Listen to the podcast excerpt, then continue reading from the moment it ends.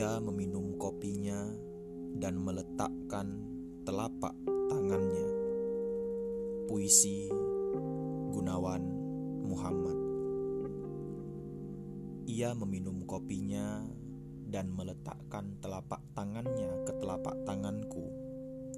Aku tahu apa yang akan terjadi. Ia akan mengenakan sayapnya lagi. Ia tersenyum. Ia menatapku. Melihat ke kota di luar restoran, ke seekor kucing yang melintas pincang di seberang jalan.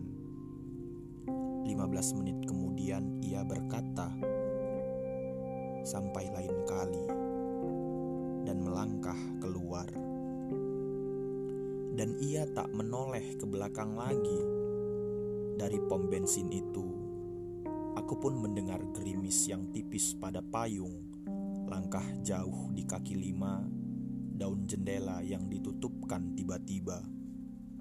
Kemudian, kulihat ia dengan sayapnya yang putih terbang Lampu-lampu mencoba membidiknya dari pucuk tiang, tapi semua terlampau segera.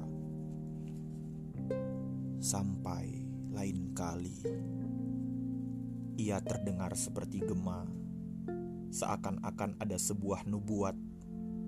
Esok aku tinggalkan kota itu, dan lusa akan kembali tua, lekang, separuh buta. Di tembok toko cita kutemukan bekas sayap yang hangus. Ketika itu, salju turun.